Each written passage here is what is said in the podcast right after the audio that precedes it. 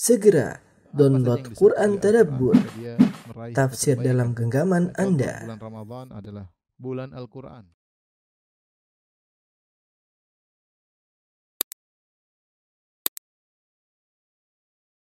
Bismillahirrahmanirrahim. Assalamualaikum warahmatullahi wabarakatuh. Alhamdulillahi ala ihsani wa syukru lahu ala taufiqihi wa amtinani. Wa asyhadu an la ilaha illallah wahdahu la syarika lahu ta'ziman li sya'ni wa asyhadu anna Muhammadan abduhu wa rasuluhu da'ila ridwani. Allahumma salli alaihi wa ala alihi wa ashabihi wa ikhwani. Uh, para ikhwan dan akhwat uh, majelis ta'lim sahabiyat yang dirahmati oleh Allah Subhanahu wa taala. Uh, pada kesempatan kali ini kita akan bahas satu topik yang merupakan cita-cita kita semua yaitu agar bisa istiqamah ya. Istiqamah adalah cita-cita uh, semua orang yang beriman ya. Uh, oleh karenanya siapa yang telah meraih istiqamah maka dia telah meraih kenikmatan yang sangat besar. Dalam satu hadis dari uh, Sufyan bin Abdullah dia berkata, "Qultu ya Rasulullah, kulli fil Islami qawlan la as'alu anhu ahadan ghairak." Ya Rasulullah, ajarkanlah kepadaku suatu perkataan yang aku akan komitmen dan aku tidak akan bertanya lagi setelah ini. Tidak akan bertanya lagi kepada seorang pun jika kau beri jawaban tersebut. Yaitu dia membutuhkan jawaban yang penting dalam kehidupannya yang dia bisa menjadikan pegangan. Ini tidak perlu bertanya kepada yang lainnya lagi. Maka Nabi SAW mengatakan, Kul amantu billah thumma istaqim. Ya. Kata Nabi SAW, katakanlah aku beriman kepada Allah, thumma istaqim. Kemudian istiqomahlah. Ya. Istiqomah. Ya. Barang siapa yang sudah meraih istiqomah, ya, itulah uh, tujuan daripada kita beriman. Kita ingin bisa istiqomah dalam iman kita. Ya. Karenanya orang yang bisa istiqomah kemudian wafat dalam istiqomah dia akan mendapatkan ganjaran yang luar biasa. Allah Subhanahu wa taala berfirman dalam dua surat di antaranya firman Allah innal ladzina qalu rabbuna Allahu tsumma istaqamu fala khaufun alaihim wa lahum yahzanun ulaika ashabul jannati khalidina fiha jazaa'an bima kanu ya'malun. Kata Allah Subhanahu wa taala surat Al-Ahqaf, sungguhnya orang-orang yang berkata kami uh, beriman ya Thumma istaqamu. Kemudian mereka istiqamah. Apa balasannya? Fala khaufun alaihim walahum yahzanun. Tidak ada kekhawatiran bagi mereka uh, walahum yahzanun dan tidak ada uh, kesedihan bagi mereka. Kata para ulama, kalau mereka istiqamah, mereka tidak perlu khawatir di depan mereka. Kalau mereka istiqamah, mereka tidak perlu khawatir dengan apa yang ditinggalkan masa lalu. Ya, kenapa mereka istiqamah? Dan mereka penghuni surga, ya, kekal di dalamnya, ya. Dan ini terutama ketika seorang akan meninggal dunia. Banyak orang meninggal dunia, khawatir, takut ya. Saya pernah ditelepon sama orang dalam kondisi sekarat, menangis dalam kondisi takut. Wajar, itu kondisi yang sangat berat. Betapa banyak pikiran yang akan menyertai dalam diri kita. Mikirkan yang kita tinggalkan, kekhawatiran di depan bagaimana di alam barzah. Wajar, wajar. Tapi kalau orang beriman dan istiqamah, dia akan diberi ketenangan. Karena Allah mengatakan, fala khaufun alaihim wa lahum yahzanun. Tidak perlu khawatir, tidak perlu bersedih. Dalam ayat yang lain kata Allah Subhanahu wa taala, Innal innal ladzina qalu rabbuna Allah thumma istaqamu tatanazzalu alaihimul malaikatu alla takhafu wa la tahzanu wa abshiru bil jannati allati kuntum tu'adun. Ya. Sungguhnya orang berkata kami beriman lalu mereka istiqamah, maka malaikat akan turun kepada mereka. Kata para ulama tatkala mereka akan meninggal dunia. Malaikat akan turun kepada mereka dan berkata kepada orang-orang ini, orang-orang istiqomah ini. Allah takhafu wa la tahzanu. Janganlah kalian khawatir dan jangan kalian bersedih. Ya. Wa absyiru bil jannati allati kuntum tu'adun dan bergembiralah dengan surga yang kalian telah dijanjikan untuk untuk kalian. Ya, ini uh, oleh karenanya inilah puncak daripada perjuangan kita adalah untuk istiqomah. Makanya Allah berfirman kepada Nabi sallallahu alaihi "Fastaqim kama umirt." Istiqomahlah engkau sebagaimana kau diperintahkan. Ya, siapa yang bisa istiqomah? Dia orang hebat. Untuk meraih keimanan, ini perlu perjuangan ya. Kita berjuang, orang yang masih bermaksiat, berhijrah meninggalkan, harus meninggalkan teman-teman lama, harus meninggalkan pekerjaan yang mungkin menggiurkan, harus meninggalkan kebiasaan. Untuk meraih keimanan ini butuh perjuangan luar biasa, butuh pengorbanan. Butuh pengorbanan, banyak yang dikorbankan ya. Itu orang yang hebat. Tapi lebih hebat daripada itu adalah yang mempertahankan mempertahankan keimanan tersebut yaitu qul amantu billahi tsumma istaqim. Katakanlah aku beriman dan istiqomahlah. Ini yang ini yang, yang sangat berat. Makanya uh, perkataan indah ya uh, dari uh, Syekhul Islam Taimiyah rahimahullah taala beliau berkata, "A'zamul karamah luzumul istiqamah." Ya, bahwasanya karamah teragung adalah seorang bisa melazimi istiqamah. Itu aku uh, karamah teragung. Karamah teragung bukan bisa terbang, bukan bisa berjalan di atas air, bukan bisa kebal pedang ya.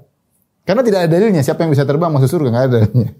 kalau yang bisa terbang masuk surga, wah, kita belajar terbang sekarang. Tidak ada dalilnya kalau siapa yang kebal pedang kemudian masuk surga, enggak ada. Dapat surganya paling tinggi kalau dia kebal pedang ya. Kalau surganya paling tinggi kalau dia melewati air tanpa harus tenggelam, ini enggak ada ya. Sebagian sebagian orang diberi karamah oleh Allah Subhanahu wa taala, tapi karamah teragung kata Syekh Islam Taimiyah adalah a'zamul karamah Karamah teragung adalah luzumul istiqamah, yaitu melazimi istiqamah. Ini yang sangat berat, terutama di zaman sekarang ini. Zaman yang berat seorang menjalankan, jangankan menjalankan sunnah, menjalankan kewajiban aja berat, apalagi menjalankan sunnah. Ya. Sampai Rasulullah SAW menggambarkan datang satu zaman, bahwasanya orang yang al-mutamassikuna bidinihi, yang berpegang teguh dengan agama mereka, kal qabid alal jamrah, seperti orang megang bara api. Ya, berat. Berat. Ya. Istiqamah, ya eh, adalah cita-cita kita kita semua. Namun sebagaimana kita ketahui eh, sebagaimana saya katakan beriman adalah perkara yang tidak mudah, perlu perjuangan, apalagi istiqomah di atas keimanan. Nah, istiqomah ini adalah perkara yang memang yang sulit kecuali yang dimudahkan oleh Allah Subhanahu wa taala. Ya. Saking begitu beratnya untuk istiqomah, makanya kita diwajibkan minimal 17 kali dalam sehari untuk berdoa agar diberi istiqomah. Dan inilah doa yang paling agung yaitu ihdinas siratal mustaqim. Ihdinas siratal mustaqim. Saya sedikit menyinggung apa namanya? Uh, makna ayat ini ya. Allah yang sering kita baca ihdina as-sirat al-mustaqim. Ya, ihdina ya. Tunjukkanlah kami jalan yang lurus.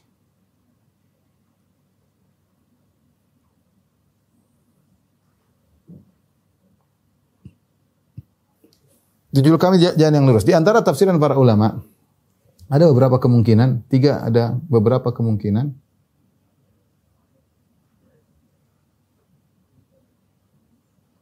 Pertama, jika belum dapat hidayah, maka minta hidayah. Jika belum dapat hidayah, belum hijrah misalnya, hidayah, maka dengan doa ini adalah minta doa ini adalah minta hidayah. Doa ini adalah minta hidayah agar kita meninggalkan keburukan yang kita lakukan ya. Jika ternyata sudah mendapat hidayah jika sudah mendapat hidayah hidayah maka ya kita minta agar diistiqomahkan.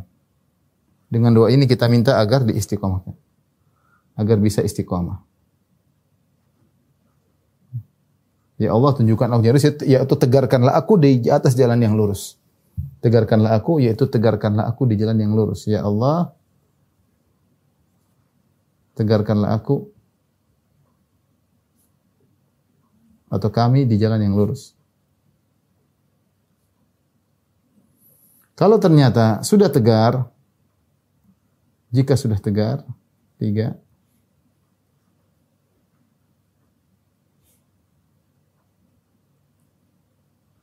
tegar maka minta tambahan hidayah. Minta tambahan hidayah. Yaitu dibukakan pintu-pintu kebaikan yang lain. Ya, dibukakan pintu-pintu kebaikan yang lain yang kita tidak tahu. Masih banyak.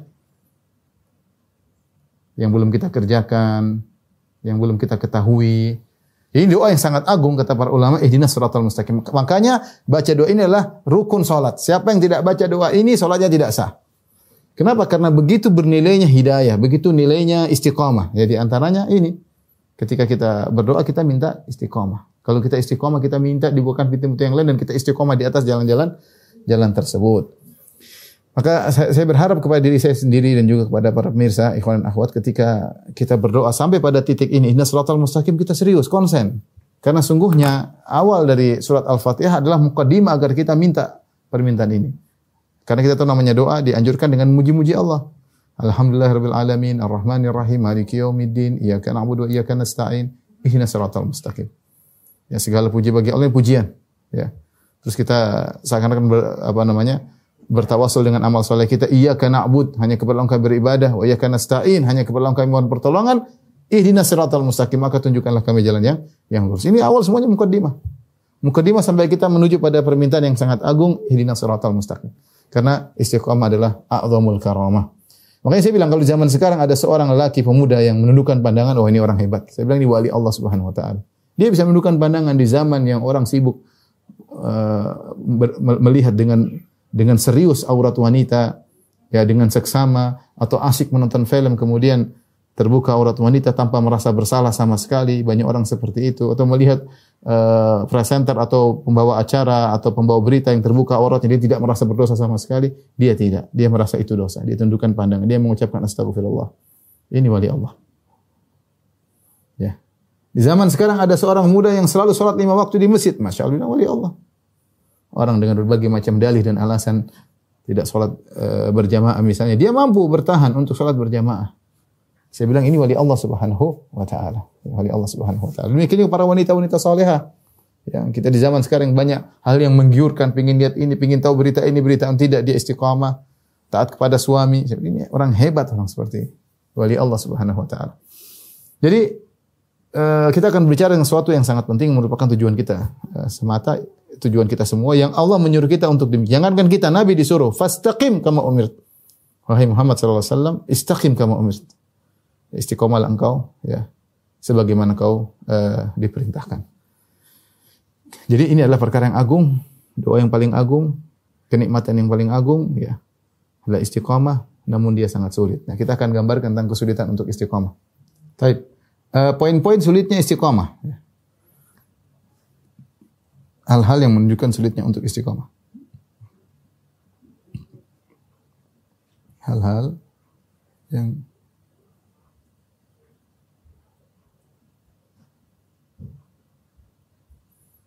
istiqamah terutama zaman sekarang. Terutama zaman medsos ya. Era medsos ya. Banyak hal yang apa namanya eh, yang menjadikan istiqomah ini eh, sangat sulit ya. Di antara yang pertama bahwasanya jalan kesesatan banyak ya.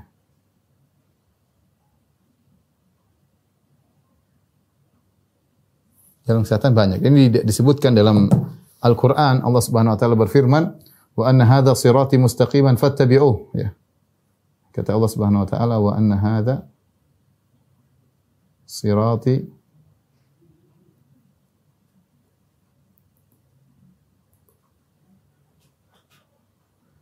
sirati mustaqiman fattabi'uh wala tattabi'us subul wala tattabi'us subul. Fatafarraqa bikum an sabili. Kata Allah ini jalanku satu lurus. Fattabi'u ikutilah. Jalan satu lurus. Jalanku satu lurus. Ikutilah. Jangan ikuti jalan-jalan yang banyak jangan ikuti jalan-jalan yang lain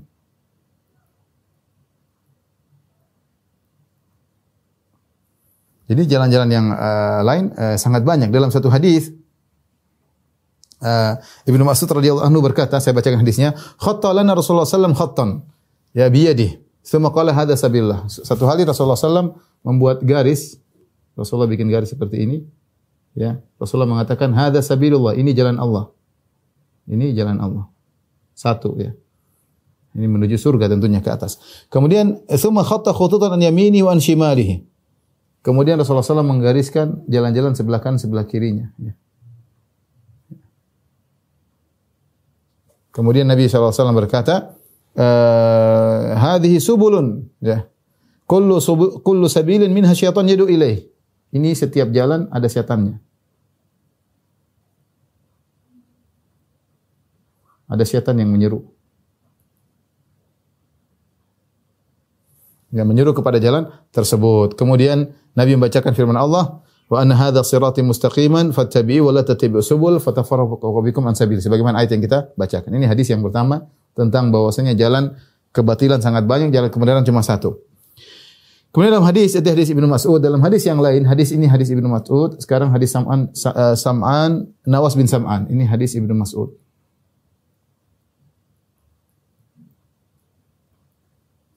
Hadis yang kedua adalah hadis Sam'an. Eh, Nawas bin Sam'an.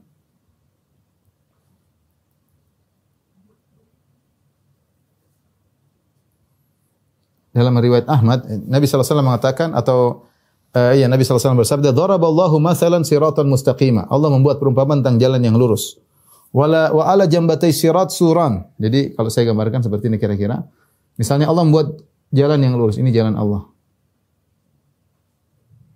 jalan lurus jalan Allah Kemudian wa ala jambatai sirat suran. Di sampingnya ada di pinggir eh, jalan tersebut ada pagar. Pagar. Ya. Dan seterusnya ada pagar. Pagar. Kemudian uh, wa ala al, al, wa ala wa. Di pagar ini ada pintu-pintu terbuka. Ada pintu-pintu terbuka. Banyak pintu-pintu. Ada pintu zina, ada pintu nonton bioskop, ada pintu ah maksiat macam-macam deh. Pintu syubhat, pintu syahwat dan pintunya semua terbuka. Kemudian wa alal abwabi suturun murkhah. Kemudian di di setiap pintu-pintu ini ada eh, apa namanya sutur yaitu ada eh, apa namanya gorden yang terjulur ya. Ada gorden yang terjulur.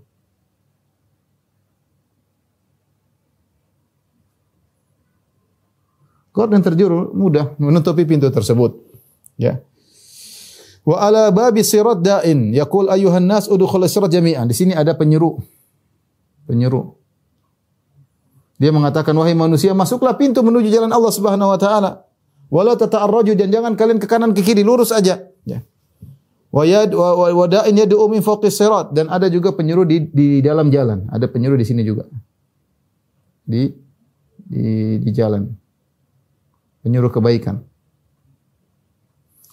Maka Nabi SAW uh, berkata, فَإِذَا أَرَادَ أَنْ يَفْتَحْ شَيْئًا مِنْ تِلْكَ الْأَبْوَابِ قَالَ وَيْحَكْ لَا تَفْتَحْ Kalau ada orang jalan kemudian dia ingin buka gorden tadi, maka penyeru yang di dalam pintu, dalam jalan mengatakan, jangan buka sama sekali. Waihak la taftah celaka kau jangan kau buka. Fa innaka in taftahu taliju. Kalau kau buka kau pasti masuk. Kenapa? Karena benar-benar menggiurkan ya.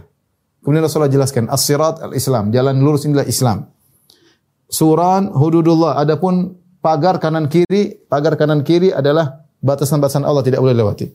Al buabu al mufattahah maharimullah. Adapun pintu-pintu yang terbuka itu adalah hal-hal yang diharamkan, muzina, apa macam-macam ya. Riba, Wadzalika da'i ala ra'si sirat kitabullah. Adapun penyeru yang di awal jalan, awal pintu, awal jalan untuk masuk pintu adalah Al-Qur'an. Wa da'i min fawqi sirat dan da'i yang ada di dalam jalan menegur adalah wa'idullah fi qalbi qalbi muslim, yaitu peringatan dari hati seorang muslim. Jangan kau buka, jangan kau buka. Namun banyak orang muslim tidak peduli. Pingin buka, pingin tahu, akhirnya masuk.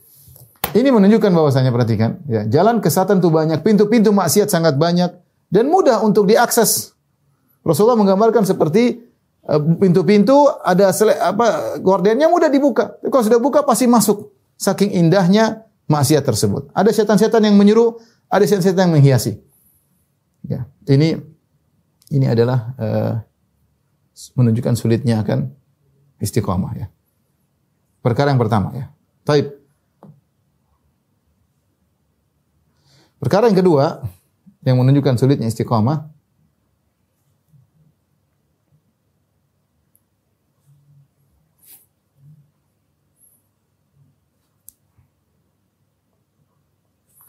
uh, bahwasanya yang yang yang memalingkan dari istiqomah ya.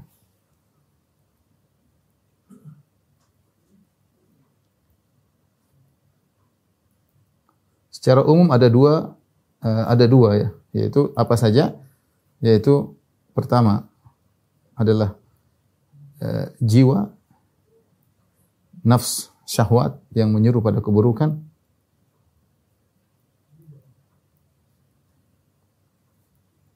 Kemudian yang kedua syaitan. Syaitan ini ada dua juga, ada golongan manusia dan jin. Golongan jin dari golongan jin dan golongan manusia. Ini yang dari istiqamah. Jiwa yang menyuruh kepada keburukan, yang menyuruh kepada syahwat luar biasa ya. Jadi kalau kita bicara uh, jiwa yang menyerah, jadi kita menghadapi dua faktor internal, faktor eksternal yang membuat kita tidak istiqamah. Kita sudah istiqamah nih, sudah ngaji, sudah hijrah, tapi kita ingin berpaling lagi, ingin menyimpang lagi. Kenapa? Ada dua faktor, faktor internal, faktor eksternal.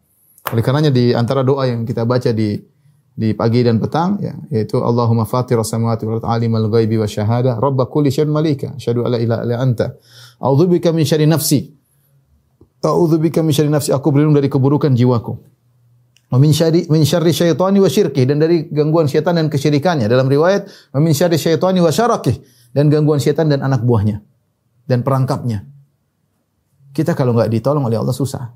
Karena ada faktor di dalam ingin membuat kita nggak istiqomah dan faktor di luar. Dan setan banyak, setan jin, setan manusia juga menggoda. Setan jin, setan manusia menggoda. Kita bicara terlebih dahulu ikhwan dan akhwat yang rahmati Allah taala tentang setan. Kita punya musuh yang nyata. Ini yang kata Allah Subhanahu wa taala, "Inna syaitan lakum adu mubina." Ya. Innahu ya, inna syaitan lakum adu mubina. Kata Allah, aduun aduun mubin ya musuh yang nyata. Innahu lakum aduwwum mubin. Musuh yang nyata. Kita mau cerita sedikit tentang setan. Siapa setan ini? setan eh, apa namanya? Musuh kita bersama ya. ya. Setan ini di antara uh, bahayanya dia yang buat kita sulit untuk istiqomah. Karena dia berpengalaman. Pertama dia berpengalaman ya sifat-sifat setan. Kita bicara tentang sifat-sifat setan. Musuh kita yang buat kita tidak istiqomah ini setan.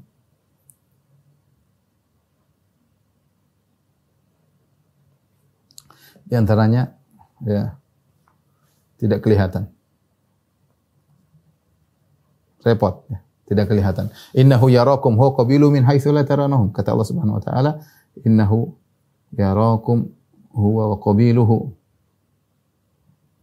min haitsu min haitsu la tarawnahum. Sungguhnya setan melihat kalian yang kalian tidak melihat dia. Kalian tidak melihatnya. Kalian tidak melihat. Musuh yang tidak menyenangkan. Dia lihat kita, kita tidak bisa lihat dia. Ini musuh yang tidak menyenangkan. Tapi sifatnya lagi yang lain. Selain tidak kelihatan, ya, dia uh, apa namanya berpengalaman.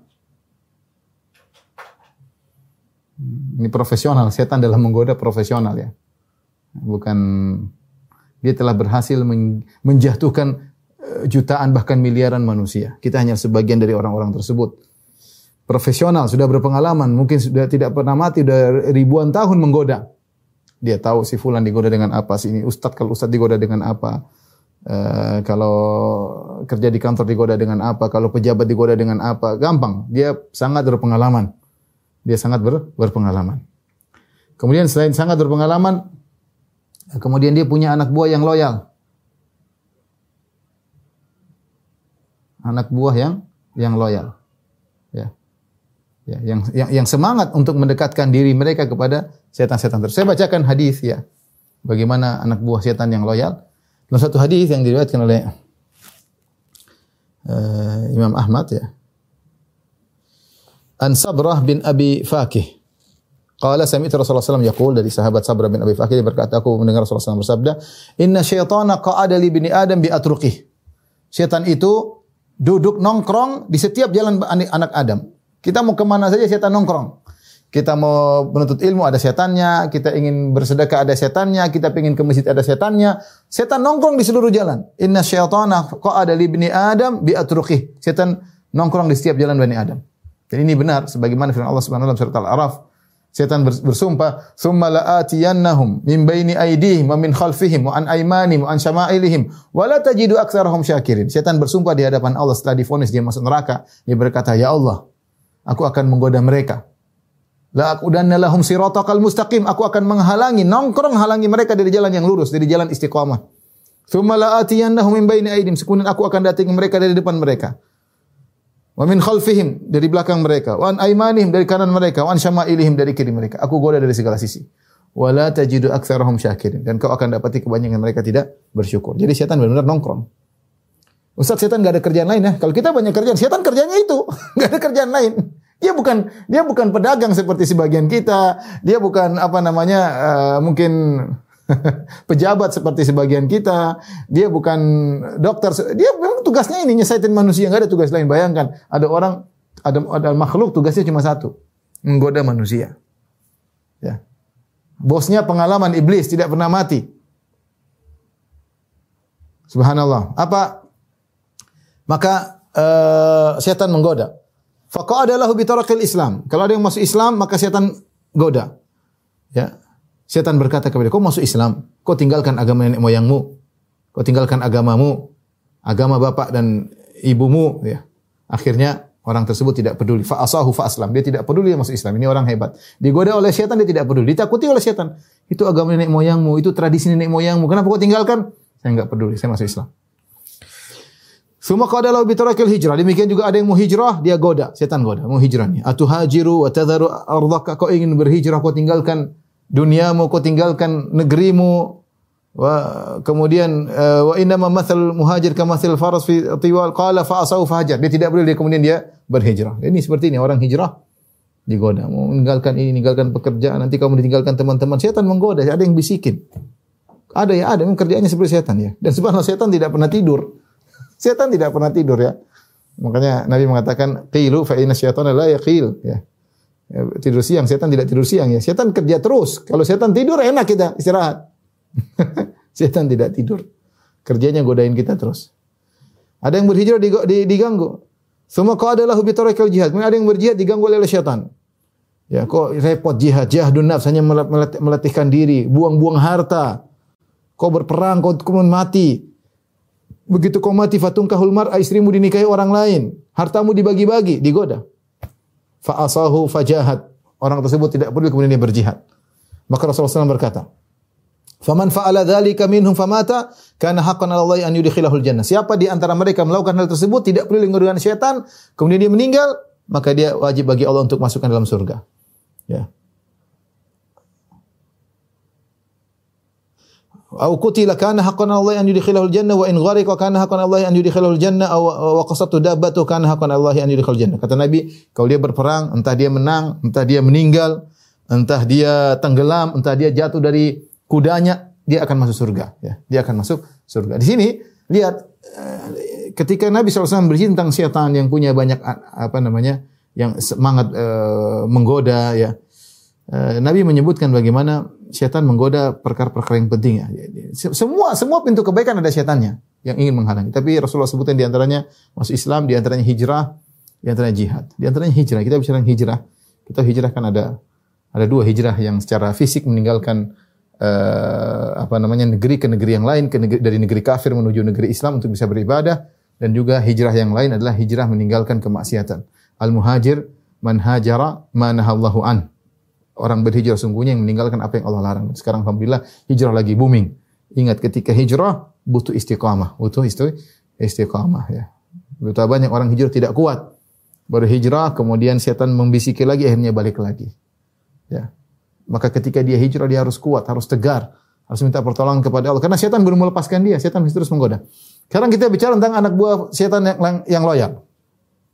Dalam hadis riwayat Imam Muslim, dari hadis Jabir bin Abdullah. Ada dua hadis dari hadis Jabir bin Abdullah dari hadis Abu Musa al-Asy'ari. Saya bacakan dulu dari hadis Jabir Jabir bin Abdullah dalam Sahih Muslim.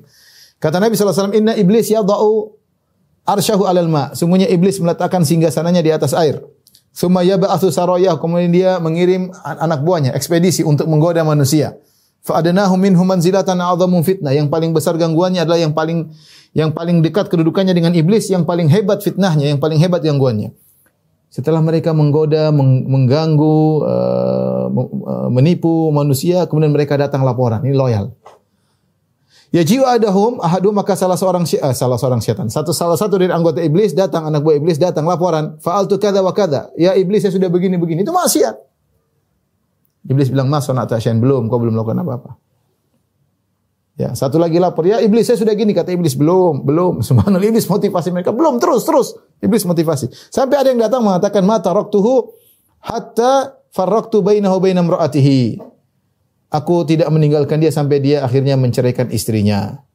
Maka iblis fayuni minhu, maka iblis pun mendekati setan tersebut kepada dia. Iblis berkata, nikma anta ente setan yang hebat. Qat al-Amas berkata, fayaltazimuhu, disebutkan iblis pun memeluknya. Bangga dengan anak buahnya yang loyal yang bisa membuat kerusakan seperti itu, bisa membuat seorang laki cerai dari istrinya. Ini hadis uh, Jabir. Hadis yang lain dari Abu Musa al-Asy'ari, ya radhiyallahu taala anhu, Nabi SAW pernah berkata, "Idza asbah iblis batha junudahu." Kalau iblis di pagi hari iblis kirim anak buahnya. Fayaqulu man adhalla al-yawm musliman albastuhu taj. Kata iblis kasih motivasi. Siapa yang bisa menyesatkan seorang muslim, aku pakaikan dia taj, apa namanya? Uh, mahkota. Aku kasih mahkota. iblis kasih semangat. Fayakhruju hadha, maka semua setan-setan menggoda. Ya, kemudian laporan, lam yazal bihi hatta talaqa imra'atu. Saya selalu menggoda dia ya iblis sampai dia pun ceraikan istrinya. Kata iblis, "Au syaka an yatazawwaj." Ya, kau ceraikan nanti kawin lagi. Datang lagi lapor. Lam azal bihi hatta aqwa walidai. Ya iblis, saya goda goda tuh anak sampai anak itu durhaka kepada kedua orang tuanya. Kata iblis, "Au syaka an yabar." Mungkin dia berbakti lagi habis itu. Jadi iblis motivator memang dia. Wa hadza, semua laporan.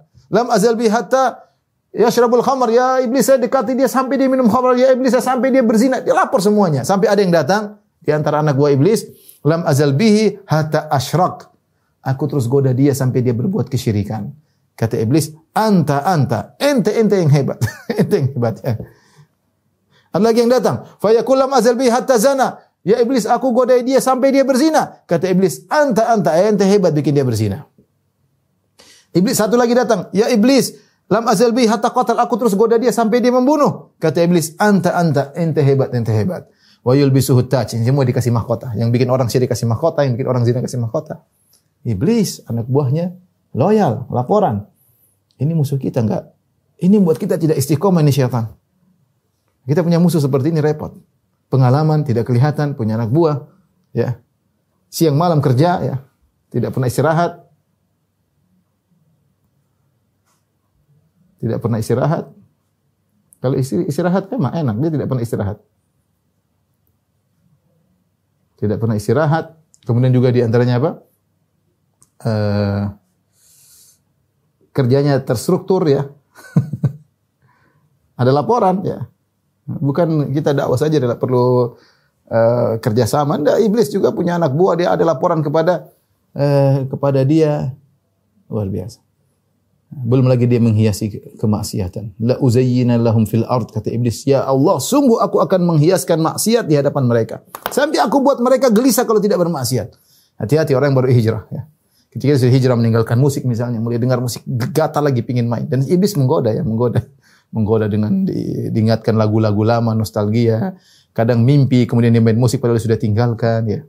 Dan itu terjadi, ini terjadi.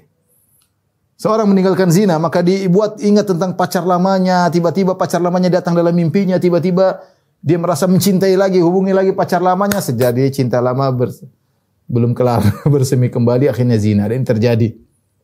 Alhamdulillah ya. Jangan terpedaya dengan kita sudah jenggotan, jangan terpedaya sudah pakai cadar, tidak ada, tidak ada. Iblis tidak peduli. Dia goda siapa pun. Kita semua target. Ini membuat kita sulit untuk istiqomah. Tidak ada yang bisa menyelamatkan kita kecuali Allah Subhanahu wa taala. Kecuali Allah Subhanahu wa taala. Ini perlu kita camkan. Ini antara yang buat kita uh, sulit istiqomah. Di antara yang buat hal kita sulit istiqomah, musuh dalam selimut itu musuh kita diri kita sendiri. Musuh diri sendiri. Nabi sering berdoa, "Wa na'udzubillahi min syurri anfusina," kata Nabi sallallahu alaihi wasallam. "Wa na'udzu billahi min syururi anfusina. Kita ini punya keburukan sendiri, kita punya keburukan. Ya. Aku berlindung dari keburukan jiwa kami. Ya. Dari keburukan jiwa. Kita kadang pandai melihat keburukan orang. Tapi kita lupa, kita sendiri punya penyakit. Kita ini punya penyakit yang buat kita maksiat, buat kita istiqomah ya penyakit syahwat ya penyakit pingin lihat dengar syubhat, pingin tahu ya, kepo ya. Belum lagi ujub, belum macam-macam ini penyakit dalam diri. Inna nafsa la ammaratun bisu. Sungguhnya jiwa itu menyeru kepada keburukan. Seorang waspada, jangan dia berlindung kepada uh, keburukan dirinya ya. Karena diri dia punya uh, keburukan. Jadi dia berlindung dari faktor internal dan juga faktor uh, eksternal agar dia bisa istiqomah, agar dia bisa isti uh, istiqomah. Tapi ikhwan dan akhwat yang rahmatillah subhanahu wa taala ya. Saya katakan meskipun meskipun syaitan begitu hebatnya menggoda dan jiwa kita yang begitu mungkin kotor atau rusak atau menyuruh kepada keburukan. Tetapi Allah mengatakan syaitan innahu lakum aduwwu mubin. Syaitan itu musuh yang nyata. Kita insya Allah Allah masih kasih sinyal pada kita kalau itu keburukan. Makanya Nabi SAW mengatakan albirru husnul khuluq. Kebajikan adalah akhlak yang mulia. Wal ithmu mahaka fi sadrik wa karihta ayatali alaikan alaihi alaihi alaihi nas. Ya. Adapun dosa adalah yang menggelisah di hatimu dan kau tidak suka orang lain lihat kalau kau melakukannya. Jadi sebenarnya kita sadar ini dosa, tapi kita ya setan bagaimanapun halusnya setan menggoda, insya Allah jiwa kita masih ada sinyal ini nggak benar. Ya. Kita nggak ingin orang lain tahu ini tanda-tanda dosa. Uh, gelisah ini tanda-tanda apa? Tanda-tanda dosa. Betapapun kuat, tinggal kita mau, tinggal kita mau melawan atau tidak itu saja. Ya. Makanya saya katakan di antara uh, apa namanya sulitnya untuk istiqomah nomor tiga adalah kita sendiri belum niat totalitas. Ini repot. Kita belum belum niat totalitas untuk untuk hijrah. Misalnya untuk hijrah. Ya. Jadi sulit bagi kita untuk istiqomah. Kita sendiri kita masih ah saya masih tidak apa-apa lah. Yang penting saya masih sholat masih. Kita sendiri belum totalitas. Mau totalitas masih belum mau. Ya sulit untuk istiqomah kalau begitu.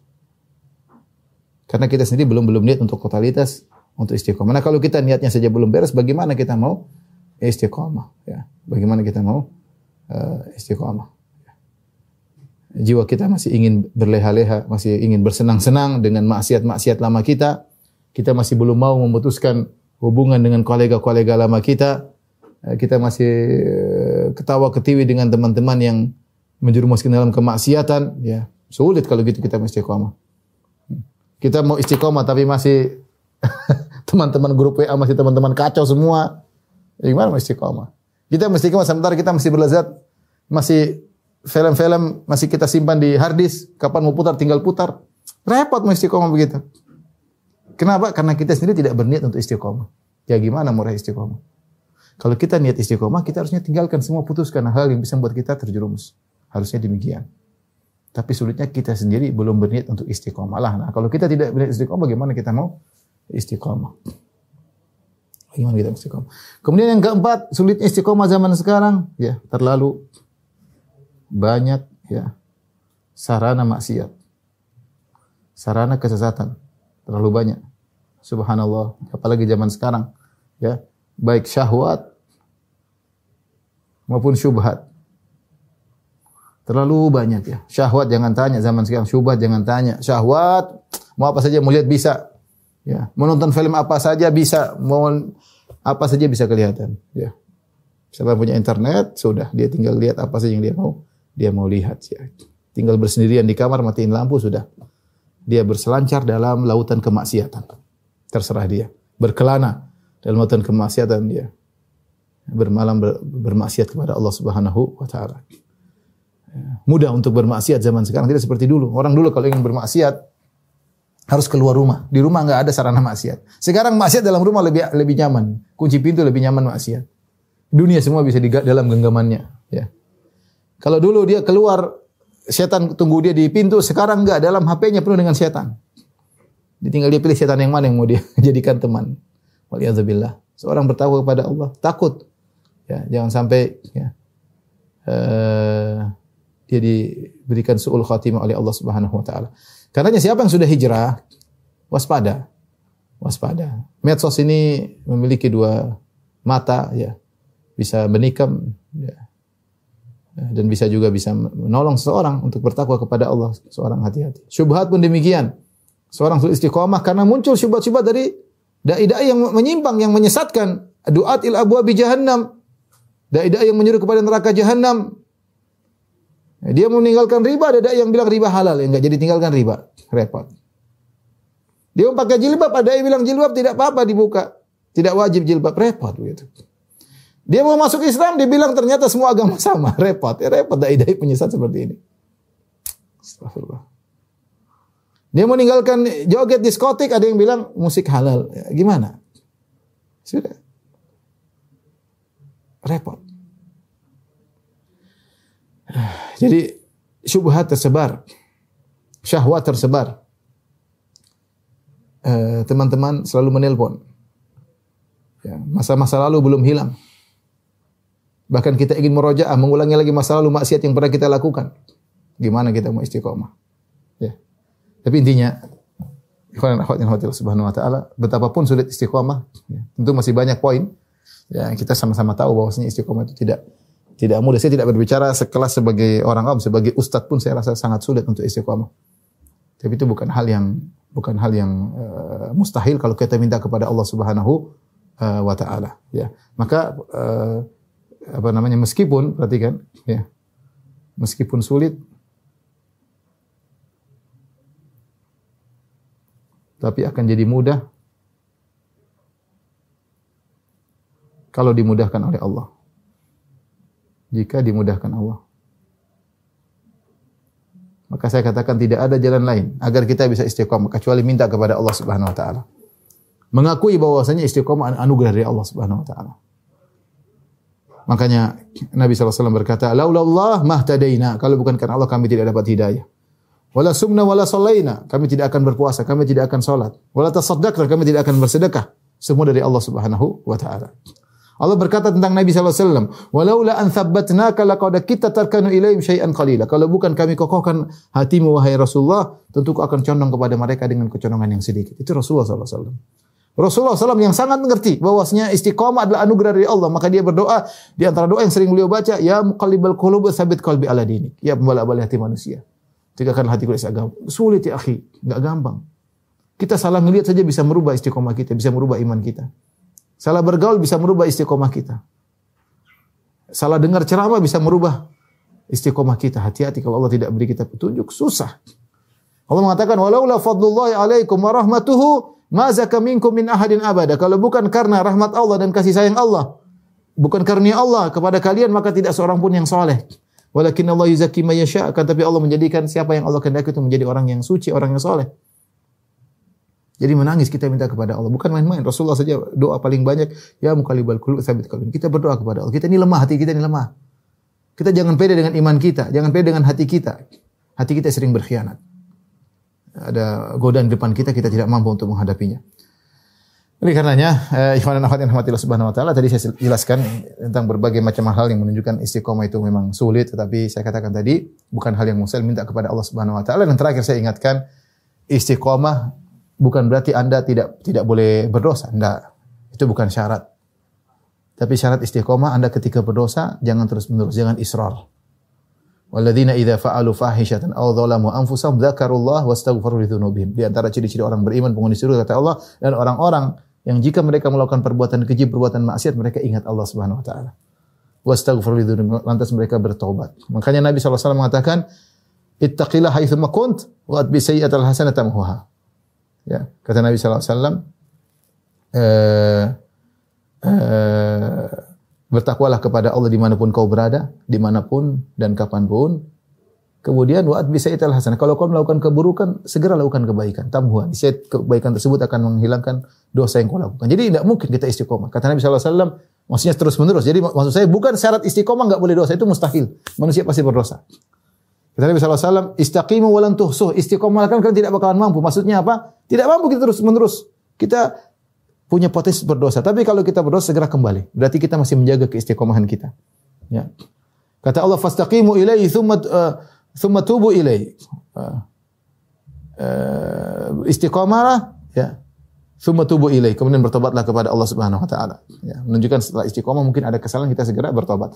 Jadi intinya ya uh, kita istiqomah semaksimal mungkin. Kalau kita dosa, salah, segera kembali kepada Allah agar kita tetap menjaga keistiqomahan kita. Semoga Allah anugerahkan kita istiqomah dan semoga kita dianugerahkan husnul khatimah. Demikian wabillahi taufiq hidayah. Assalamualaikum warahmatullahi wabarakatuh.